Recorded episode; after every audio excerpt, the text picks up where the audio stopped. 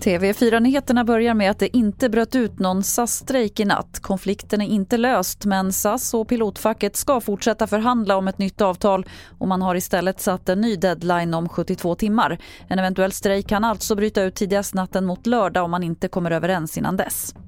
Två personer har anhållits efter att minst 51 migranter hittats döda i en lastbil i San Antonio i Texas i USA.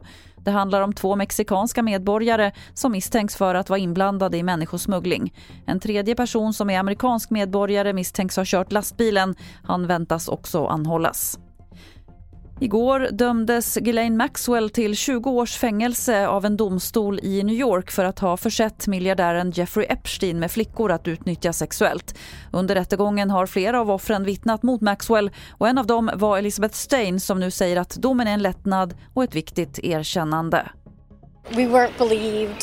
We were told that we were crazy. Um, and no one can say that to us anymore. Fler nyheter hittar du på tv4.se. Jag heter Lotta Wall.